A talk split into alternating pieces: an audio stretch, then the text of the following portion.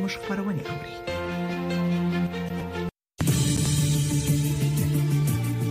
اینجا واشنگتن است. رادیو آشنا صدای امریکا.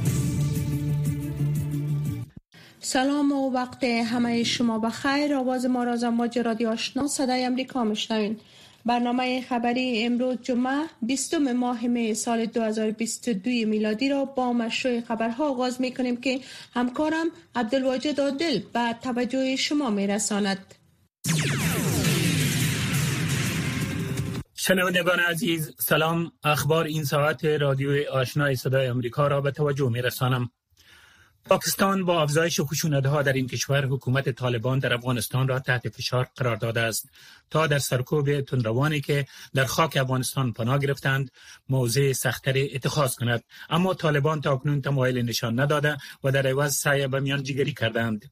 این فشارها طالبان افغان را در تنگنا قرار داده است. گروهی که از دیر زمان با گروه های تندرو دیگر که حملات را در پاکستان انجام می دهند با طور خاص تحریک طالبان پاکستان روابط نزدیک داشته است. فعالیت تحریک طالبان پاکستان و سایر گروه های تندرو پس از مسلط شدن طالبان بر افغانستان بیشتر شده است. تلگران می‌گویند که طالبان افغان در سرکوب این گروه های تندرو از احتیاط کار می‌گیرند و از ایجاد دشمنان بیشتر در حالی که با حملات گروه دولت اسلامی یا داعش روبرو هستند بیم دارند. حکومت طالبان برای کاهش تشنج با پاکستان هفته جاری میزبان گفتگوهای بین تحریک طالبان و حکومت پاکستان بود. در این حال موتر حامل طالبان در بلخ هدف انفجار ماین قرار گرفته است. های طالبان در ولایت بلخ می‌گویند که یک موتر نظامی مربوط به قول اردوی 209 الفتح از این گروه در شهر مزار شریف آماج انفجار ماین قرار گرفت. محمد آصف وزیری سخنگوی طالبان برای قماندانی امنیه ولایت بلخ گفت که این انفجار حوالی ساعت 8:30 دقیقه صبح دیروز در مربوطات حوزه پنجم امنیتی شهر مزار شریف با وقوع پیوست. آقای وزیر افزود که هدف انفجار موتر کارمندان ملکی قول اردوی الفتح در این ولایت بوده است. از سوی دیگر افراد مسلح ناشناس یک رئیس پلیس را در پشاور مرکز ایالت خیبر پختونخوا به ضرب گلوله کشتند. یک منبع پلیس پشاور به رادیوی دیوه صدای امریکا ضمن تایید این خبر گفت که شکیل خان رئیس تانه شاپور در داخل موترش به سمت انجام وظیفه می‌رفت که مورد هدف تیراندازی قرار گرفت. کسی یا گروه تا حال مسئولیت این رویداد را به عهده نگرفته است. اما داعش در این اواخر مسئولیت حملات بر پلیس و اقلیت ها را در پشاور پذیرفته است. چهار روز پیش دو سیک در منطقه سربند پشاور به ضرب گلوله کشته شدند و داعش مسئولیت این حمله را بر عهده گرفت. جو بایدن رئیس جمهور ایالات متحده روز پنجشنبه با رهبران فنلند و سویدن در قصر سفید دیدار و گفتگو کرد. و در این دیدار حمایت واشنگتن از درخواست های این دو کشور برای پیوستن به ائتلاف امنیتی غربی ناتو را اعلام کرد جو بایدن گفت که عضویت فنلند و سویدن باعث تقویت ناتو خواهد شد. این در حالی است که ترکیه عضو دیگر ناتو تهدید کرده است که مانع عضویت این دو کشور شمال اروپا در ناتو خواهد شد. فنلند و سویدن در پی تهاجم روسیه به اوکراین تصمیم گرفتند به عضویت ناتو درآیند. امریکا و متحدانش از تصمیم این دو کشور استقبال و حمایت کردند جو بایدن رئیس جمهور ایالات متحده روز پنجشنبه پس از نشست هفته گذشته خود با رهبران آسیای جنوب شرقی در قصر سفید و کوریای جنوبی و ژاپن سفر می کند. اولین سفر او به آسیا از زمان تصدی مسئولیتش می باشد. بایدن در سیول با یون سوک یول رئیس جمهور جدید کره جنوبی و تعقیب آزمایش های میزایل بالستیک کره شمالی و شیوع ویروس کرونا دیدار خواهد کرد. در توکیو بایدن با فومیو کیشیدا صدر ژاپن نارندرا مودی صدر هند و صدر اسکات موریسن یا رقیبش انتونی البانیز بسته به اینکه چه کسی در انتخابات روز شنبه استرالیا برنده شود در نشست شراکت چهارگانه شرکت خواهد کرد. این چهارمین نشست چهارجانبه و دومین جلسه حضوری از زمان احیای اتحاد در سال 2017 برای مقابله با چین در اقیانوس هند و اقیانوس آرام خواهد بود. انتونی بلینکن وزیر امور خارجه ایالات متحده روز چهارشنبه 18 می با بلاول بوتو زرداری وزیر خارجه پاکستان در شهر نیویورک دیدار کرد و هر دو مقام خواستار تقویت روابط بین ایالات متحده و پاکستان شدند. وزیر امور خارجه جدید پاکستان برای شرکت در نشست وزیران خارجه در مقر سازمان ملل متحد در شهر نیویورک به امریکا آمده است. این نشست به دعوت ایالات متحده برای بحث در مورد امنیت غذایی جهان که با تهاجم روسیه بر اوکراین تشدید شده است. برگزار شده است. در میان نگرانی ها پیرامون تجدید جنگ در اوکراین قصر سفید قصد دارد با ارسال میزایل های پیشرفته ضد کشتی به این کشور مبارزان اوکراینی را در جنگ علیه محاصره روسیه تقویت کند. مقامات کیف بارها خواستار دستیابی به تسلیحات پیشرفته تر امریکایی فراتر از میزایل های جاولین و استنگر شدند یکی از تسلیحات مورد مطالبه آنها میزایل است که با وسیله آنها بتوانند نیروی بحری روسیه را از بنادر بهیر اسیا دور کنند تا به این ترتیب امکان راه اندازی مجدد ارسال غله و سایر محصولات کشاورزی به سراسر جهان را به دست بیاورند. سانمرین صدر فنلند می‌گوید که سازمان پیمان اتلانتیک شمالی یا ناتو تا اکنون به خاطر استقرار سلاحهای هسته‌ای یا ایجاد پایگاه نظامی دائمی در فنلند ابراز علاقه نکرده است. خانم مرین که به خاطر ملاقات با ماریو دراگی صدر ایتالیا برون رفته است در مصاحبه با یک روزنامه‌نگار ایتالیایی همچنان گفت که با باور وی موضوع مخالفت ترکیه با پیوستن فنلند به ناتو از رای مذاکره حل خواهد شد.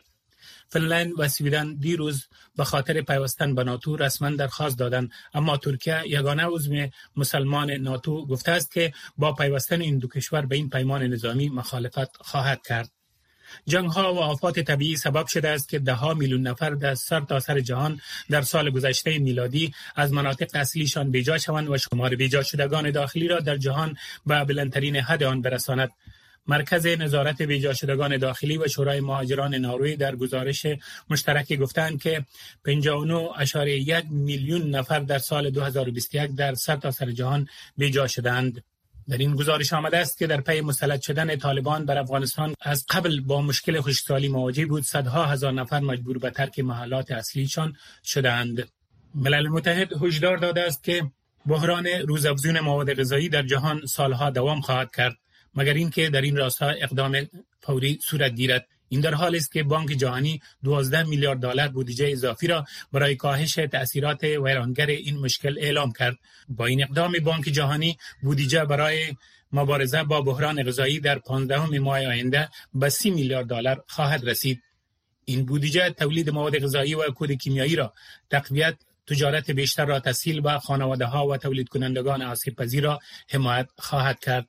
عدم مسئولیت غذایی به دلیل حرارت همگیری کرونا ویروس و تهاجم نظامی روسیه بر اوکراین اوج گرفته است. حمله روسیه بر اوکراین همچنان سبب کمبود غلجات و کود کیمیاوی شده است. انتونیو گوتریش منشی عمومی ملل متحد در نشست در مورد امنیت غذایی جهان گفت که جنگ ده ها میلیون نفر را به پرگاه ناامنی غذایی میراند. این بود اخبار این ساعت که از رادیوی آشنای صدای امریکا تقدیم شما شد. شنونده های محترم شما مشروع خبرها را شنیدید و حالا می پردازیم به گزارش های این بخش برنامه. در نخستین گزارش وزارت امر به معروف و نهی از منکر و وزارت اطلاعات و فرهنگ حکومت طالبان در یک اقدام تازه به تلویزیون های محلی افغانستان دستور داده است که پس از این مجریان زن هنگام ظاهر شدن به تلویزیون ها باید صورتشان را بپوشانند. این تصمیم طالبان با واکنش های گسترده ملی و بین المللی مواجه شده است. در حالی که قبل بر آن نیز محدودیت های وضع شده از جانب طالبان بر زنان از سوی جامعه جهانی تقطیع شده است. همکارم فرخنده پیمانی واکنش ها در مورد دستور تازه طالبان را طی گزارش تقدیم شما می کند. بیش از نه ماه از تسلط طالبان بر افغانستان می گذرد و وضع محدودیت ها بر زنان و دختران همچنان ادامه دارد. طالبان با مسدود کردن مکاتب متوسطه و لیسه دخترانه منحل ساختن وزارت امور زنان و دیگر محدودیت ها که بر فعالیت زنان وضع کردند با انتقاد جامعه جهانی مواجه شدند. طالبان در تازه ترین اقدامشان از مجریان زن در رسانه ها خواستند تا هنگام اجرای برنامه ها چهره هایشان را بپوشانند. طالبان این دستور را به تمام تلویزیون های فعال در افغانستان شریک کردند و از مسئولان رسانه ها خواستند این موضوع را جدی بگیرند. گردانندگان زن در بیشتر تلویزیون های خصوصی افغانستان امروز پنجشنبه با چهره پوشانیده با ماسک در صفحه تلویزیون ها ظاهر شدند. هیدربار مسئول بخش زنان در دیدبان حقوق بشر در واکنش به این دستور به صدای امریکا می‌گوید این اقدام طالبان تلاش دیگری برای حذف زنان از اجتماع است. دستور جدید طالبان در مورد ملزم سازی مجریان زن در تلویزیون برای پوشاندن صورتشان واقعا یک اقدام دیگر برای حذف زنان از اجتماع زیرا حضور زنان در تلویزیون مهم است. از بود دیده شدن آنها این یک واقعیت از کانها الگوی دختران و سایر زنان جوان هستند که با همه مردم به طور روزمره در ارتباط و مکالمه می باشند و می توانند نقش خوبی را ایفا کنند. آنها کسانی که اخبار روز را در مورد اتفاقاتی که برای زنان و دختران رخ می‌دهد و گونه ای که مردان خبرنگار نمی‌توانند انجام دهند میرسانند. بنابراین حذف کردن آنها به این روش بسیار زیان بار است و فکر می کنم بسیاری از آنها حاضر به ادامه کار در چنین وضعیت نباشند.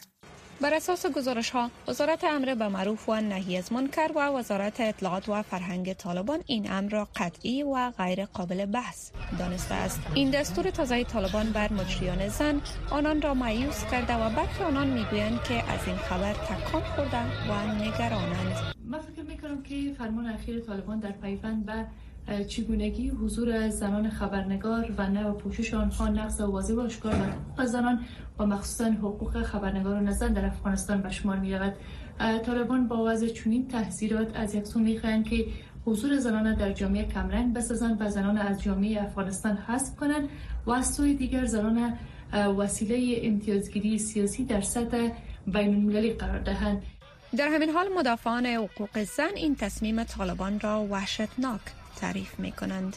اما اینجا جهان باید برعکس طالبان بالای طالبان فشار وارد کرده و از جنایات جنگی این گروه چشم پوشی نکنند و بپذیرند که این گروه هرگز قابل تغییر نمی باشند و به انسان و حقوق انسانی ارزش قائل نیستند طالبان تاکنون در این مورد ابراز نظر نکردند اما زبیح الله مجاهد سخنگوی این گروه در مراسم گرامی داشت از روز جهانی مطبوعات و در مصاحبه به صدای امریکا گفت که رسانه ها و اطلاع رسانی یکی از ارزش های این کشور است که مطابق به قانون فعالیت می کنند و به گفته وی از آن حمایت خواهد شد آقای مجاهد در تازه ترین توییت خود به روز پنجشنبه از آغاز فعالیت کمیسیون بررسی تخطی رسانه‌ای خبر داده است.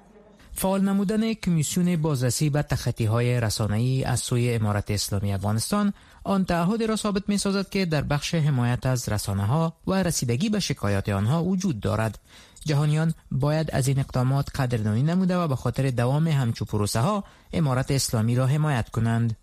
این محدودیت های روزافزون بر زنان در حال توسط طالبان وضع شده است که جامعه جهانی مکررا روی حمایت از حقوق زنان و حقوق اقلیت ها من حیث بخش مهم از شرایط برسمیت شناخته شدن حکومت طالبان تاکید کردند و خواهان تغییر در مش طالبان در قبال احترام به حقوق بشر، حقوق زنان و حقوق اقلیت ها با ایجاد یک حکومت همشمول شدند.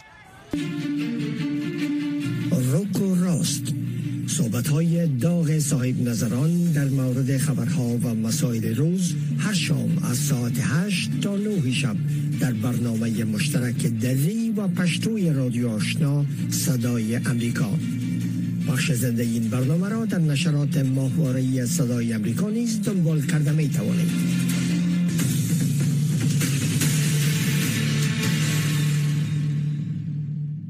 پوشش اجباری جدید برای زنان در رسانه های داخلی افغانستان بر خود خبرنگاران زن چی پیامدهایی را در پی خواهد داشت؟ همکارم سهر عظیمی در این مورد مصاحبه با مریم آروین خبرنگار و مدافع حقوق بشر انجام داده است که اینک به توجه شما رسانیده می شود با توجه به فشارهای جامعه جهانی چرا فکر می‌کنین فضا برای زنان افغان هر روز تنگتر و تنگتر شده میره با سلام درود به شما و همه بیننده های خوب شما. امیدوار هستم صحت و عافیت باشین. و بعد در این شک وجود نداره که طالبان به عنوان گروهی که امروز در افغانستان حاکم هستند. در همه موارد دیدگاه ها و تفکرات افراطی رادیکال و پسگرایانه عقبگرایانه و بدبختانه کاملا سنتی داره. و در این هم شک وجود نداره و پیش بینی های وجود داشت که زمانی که طالبان با حاکمیت می‌رسند حتی با رسانه هایی که در 20 سال به عنوان یک خودی سرطانی بارها از او نام بردن برخورد خیلی جدی خواهند داشت. با اون لحاظ امروز آنچه که در رسانه های افغانستان توسط طالبان به عنوان بدبختان رفتارهای سختگیرانه و قواعد سختگیرانه مشاهده هستیم که تطبیق میشه این بخش از نمو دهایی است که در تفکرات طالبان ولی من فکر می‌کنم که در وضع کنونی افغانستان ما به شدت نیازمند هستیم که حمایت های جامعه جهانی را برای حمایت از رسانه های افغانستان داشته باشیم و وضع کنونی رسانه های افغانستان بدبختانه با گذشت هر روز و با گذشت هر ثانیه و هر دقیقه بدتر میشه که به شدت می‌تونه نگران کننده باشه. با وصف چگونگی نحوه پوشش سنتی و اسلامی زنان افغان به نظر شما چرا پوشش نقاب و یا در بعضی موارد پیشنهاد برقه برای خانم انتخاب شده؟ به نظر شما این نوع پوشش چرا انتخاب میشه اگرچه با لباس های ملی ما اصلا سازگاری ندارن؟ بدون شک آنچه که ما امروز به عنوان حجاب طالبانی می‌شناسیم و طالبان اونا رو به عنوان حجاب برای مردم افغانستان پیشنهاد می‌کنن نه جز فرهنگ مردم افغانستان نه جز فرهنگ اسلام و نه هم گرفته شده از دین مبارک اسلام. به اون حال وجود یک چنین تعریف برای آنچه که طالبان حجاب میگن قطعا منتفی است. در کنار از او به ابتدای صحبت های خود ما یادآور شدم که بدبختان طالبان یک دید افراطی و عقب گرایانه دارن به اون لحاظ است که هر از گاهی که فکر می‌کنن شب میخوابن و صبح بیدار میشن تفکرشان این نیست که یک سفر داشته باشن به 14 سال قبل. با آنچه که امروز به عنوان قواعد بدبختانه روی رسانه های افغانستان روی زنان افغانستان و همچنان برای کار برای حذف عمومی زنای افغانستان انجام میدن گرفته شده از عمومی تفکرات افراطی است که بدبختانه در این 25 سال کوچکترین تفاوت نکرده و هنوز هم طالبان تلاش می‌کنند که با استفاده از نام شریعت نام دین تمام تفکرات گزیده ایشان بر مردم افغانستان بقبولانند و تحمیل بکنند. که قطعا نه به جهان امروزی و نه هم بر مردم افغانستان قابل پذیرش است. بله. در حالی که شما اشاره داشتین به فشارهای سازمان های بین المللی هر روز از این قبیل اعلامیه ها نشر میشه. جامعه جهانی بارها سر موضوع تحریم ها تمرکز کرده و تحریم ها را وضع کرده. به نظر شما با که فشارها بالای گروه در نه ماه اخیر ملموس بوده چی راههای باقی مانده؟ به خاطری که انعطاف بیشتر در قبال زنان در افغانستان به وجود بیاید. به نظر من هشت ماه گذشته برای مردم افغانستان و برای جامعه جهانی ثابت کرد که لابیگرایان طالبان بدبختانه با مردم افغانستان با افکار مردم افغانستان و با جهان بدبختانه بازی کردن و طالبان کوچکترین تغییر هم در دیدگاهشان خصوصا در بحث زنان افغانستان نیاورد. و من امیدوار هستم که از اشتباهات بعد مبنی بر اعتماد بر طالبان جلوگیری شود. و یک مبحث مبحث دوم اگر قرار شود که بحث تحریمات مطرح شود و با خیلی از دوستان و همسنگرای ما دوست طرفدار تحریمات بر طالبان هستن نه موافق هستن ولی من می‌خوایم چند مبحث در این مثلا مطرح بسازم تحریماتی که تاکنون بر طالبان وارد شده خصوصا از طرف جامعه جهانی کافی به همین دلیل است که عدم کفافی اینمی تحریمات بله. باعث شده که هر روز طالبان با قواعدی که بر مردم افغانستان به شکل سخت گیرانه مطرح می سازن اینمی درخت پروبال بکشه و بالاخره بیشتر شود سایش و بر مردم افغانستان فضا را مقید شنوندگان گرامی رادیو آشنا صدای امریکا. نشرات رادیو آشنا را در موج متوسط 1296 موج کوتاه 11575 اشاری سفر و در موج 972 کیلوهرتز شنیده می توانید. شنونده های محترم انیفور زایمر دیپلماتی پیشین امریکایی در افغانستان می گوید که ایالات متحده می تواند از طریق وضع تحریم های بیشتر به طالبان آنها را وادار به تغییر رفتار به خصوص احترام به حقوق بشر و حقوق زنان سازند خانم فورزایمر گفت که ممکن برخی کشورها مانند روسیه و ایران طالبان را به رسمیت بشناسند اما ایالات متحده و اتحادیه اروپا تا زمانی که طالبان حکومت همه شمول را تشکیل ندهند آنها را به رسمیت نخواهند شناخت. این دیپلمات پیشین امریکایی در صحبت با همکارم ژیلا نوری نخست در مورد وضعیت حقوق بشر در تسلط طالبان چنین بیان داشت.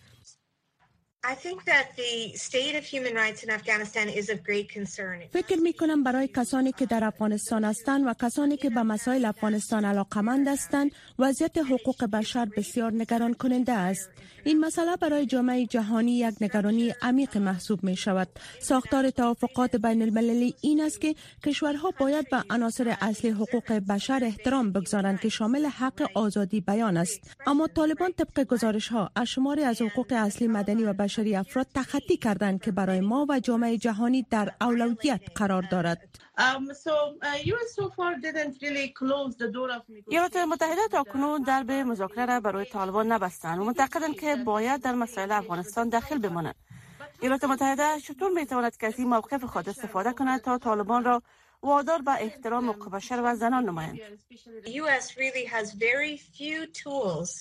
ایالات متحده چناله اندک تاثیرگذاری بر طالبان را دارد که یکی از آن که من در مورد آن اخیرا صحبت کردم این است که بر طالبان به دلیل تخطی از حقوق بشر برخی تحریمات سازمان ملل متحد انفاذ شود. ولی در طول سالهای اخیر برخی از این تحریم ها حذف شود و به همین دلیل رهبران می توانند سفر کنند. من موافقم که ممنوعیت بر سفر طالبان باید توسط شورای امنیت ملل متحد انفاذ گردد و ما روی موضوعات مهم با طالبان در حال مذاکره هستیم ولی هیچ گونه پیشرفتی را از جانب آنها ندیدیم بنابراین هر وسیله بین المللی که وجود دارد باید کاملا علیه طالبان استفاده شود تا زمانی که شاهد پیشرفت باشیم فرمان اخیر طالبان مبنی بر حجاب اجباری یا پوشیدن برقه زنان افغان با واکنش شدید رهبران جهان و ایالات متحده روبرو شد. ایالات متحده گفته است که گزینه های دارد که طالبان را وادار به تغییر تصمیم آنها بسازد. چی نوع گزینه ها وجود دارد؟ well, به نظرم ما چند گزینه محدود داریم. در قبال کمک ها شما نمی توانید مانع شوید. در حالی که مردم به آن نیاز دارد. اما بزرگترین روش یا گزینه که داریم مسئله بر رسمیت شناختن طالبان است. طالبان ممکن در نقاط جهان به خصوص از جانب روسیه و چین ممکن بر رسمیت شناخته شوند. اما ایالات متحده و اتحادیه اروپا آنها را بر رسمیت نخواهند شناخت. بر علاوه تحریم های سازمان ملل متحد علیه آنها پابرجاست و آنها می‌خواهند که این تحریم ها رفع گردد. امتیازهای امریکا بر طالبان به مشروعیت شناختن اقتصاد و تحریم ها علیه سفر کردن طالبان توسط سازمان ملل متحد است. شمار از کشورهای همسایه و شمول روسیه و چین و ایران دیپلمات های طالبان پذیرفتند. و هم از طالبان خواستار تشکیل حکومت همه شمول شدند. به نظر شما در صورتی که طالبان حکومت همه شمول تشکیل ندهند پیامد آن چی خواهد بود؟ فکر می کنم در حال حاضر کشورهای کلیدی افغانستان به شمول ایران و روسیه واضح ساختند که تشکیل حکومت همه شمول به نفع آنها و ثبات منطقه خواهد بود. به نظرم تعریف این مسئله مهم است. ممکن برای برخ افراد به معنای حمایت از رهبران خاص در گذشته بوده است و نتیجه خوبی در بر نداشت. به همین خاطر برای آنها شاید معنی مشابهی داشته باشد اما همه شمول مسئله متفاوت است. باید روی این مسئله تاکید گردد که همه شمول بودن به معنای نمایندگی 50 فیصد نفوذ در حکومت طالبان است.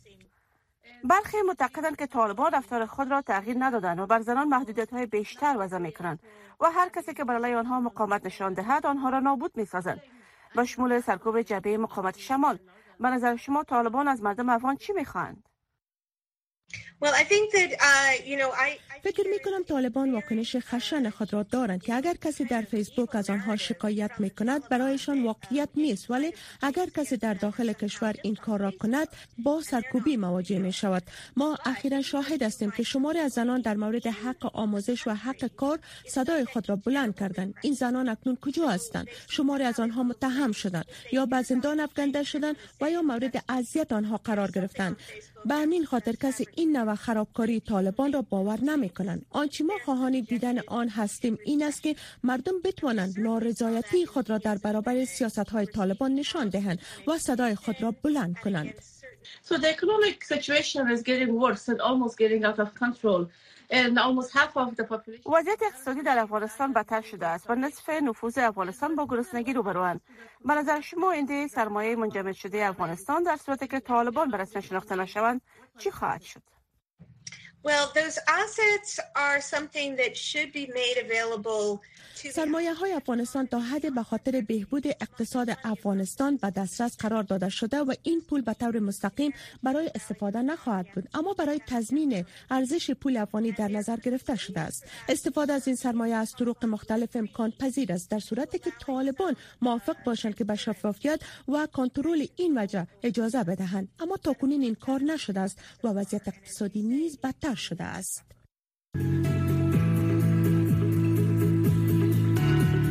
صدا و نظریات شما در مورد مسائل سیاسی، اقتصادی، فرهنگی، اجتماعی و صحی از ساعت ده تا دونی شب در برنامه مشترک دری و پشتوی رادیو آشنا صدای امریکا.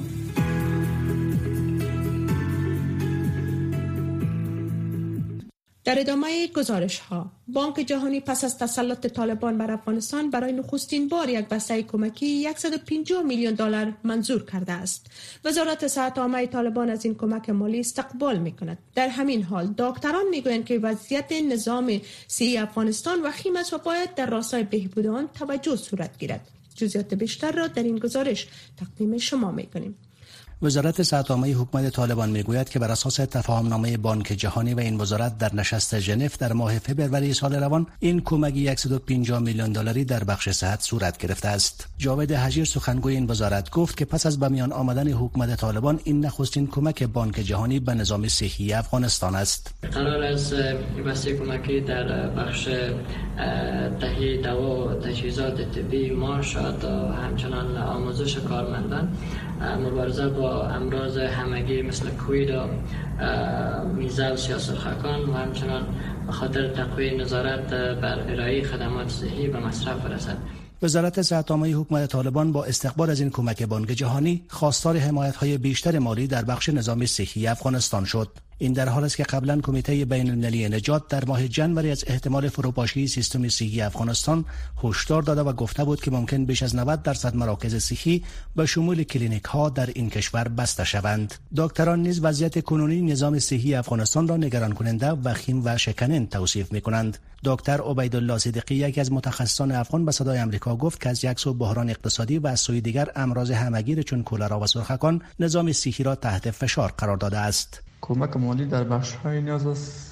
در شفاخانه هایی که در ولسوالی ولایت هستند اکثر مردم چون اقتصادشون پایین است توان دوا و داره ندارند دیگر نیاز است که به کلینیک ها دواها تامین شود تا به مردم عرضه خدمات صحی بیشتر انجام شود و همچنان به خاطر از اینکه تداوی بهتری از امراض صورت بگیره خوب است که ایجاد بیشتر مراکزی در همه ولایت صورت بگیره دکتر سلطان محمود سدید متخصص داخل اطفال نیز به صدای امریکا گفت که مردم فقیرند و زمانی که به شفاخانه های دولتی مراجعه می کنند با آنها توجه صورت نمی‌گیرد و آنچه توقع می رود خدمات صحی وجود ندارد.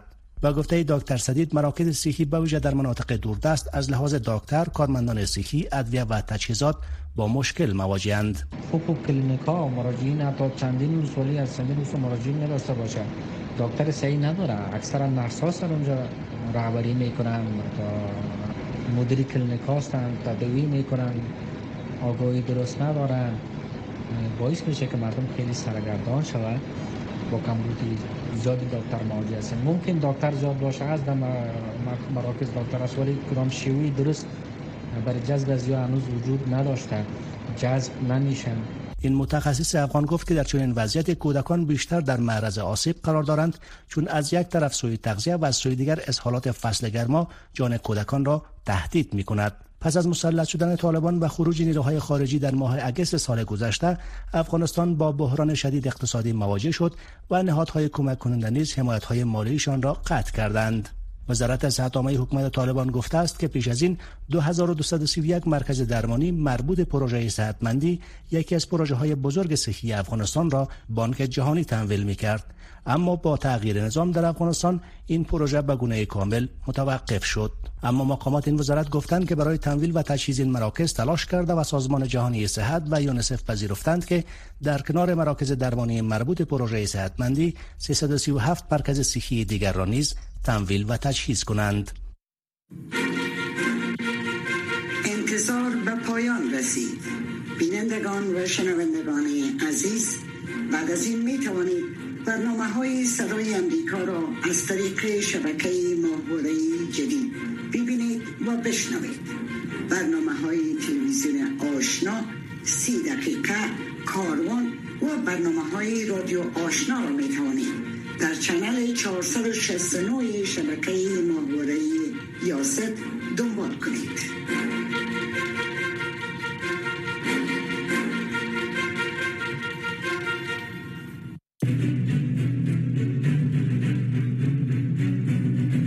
شنونده های محترم این بود. داشته های برنامه امروز صبحگاهی رادیو آشنا صدا امریکا که تقدیم شما شد. برنامه های رادیو آزادی روی عین موج آغاز می شود تا هفت شام که دوباره در خدمت شما قرار می گیریم روز خوش را در پیش داشته باشین. الله نگهدار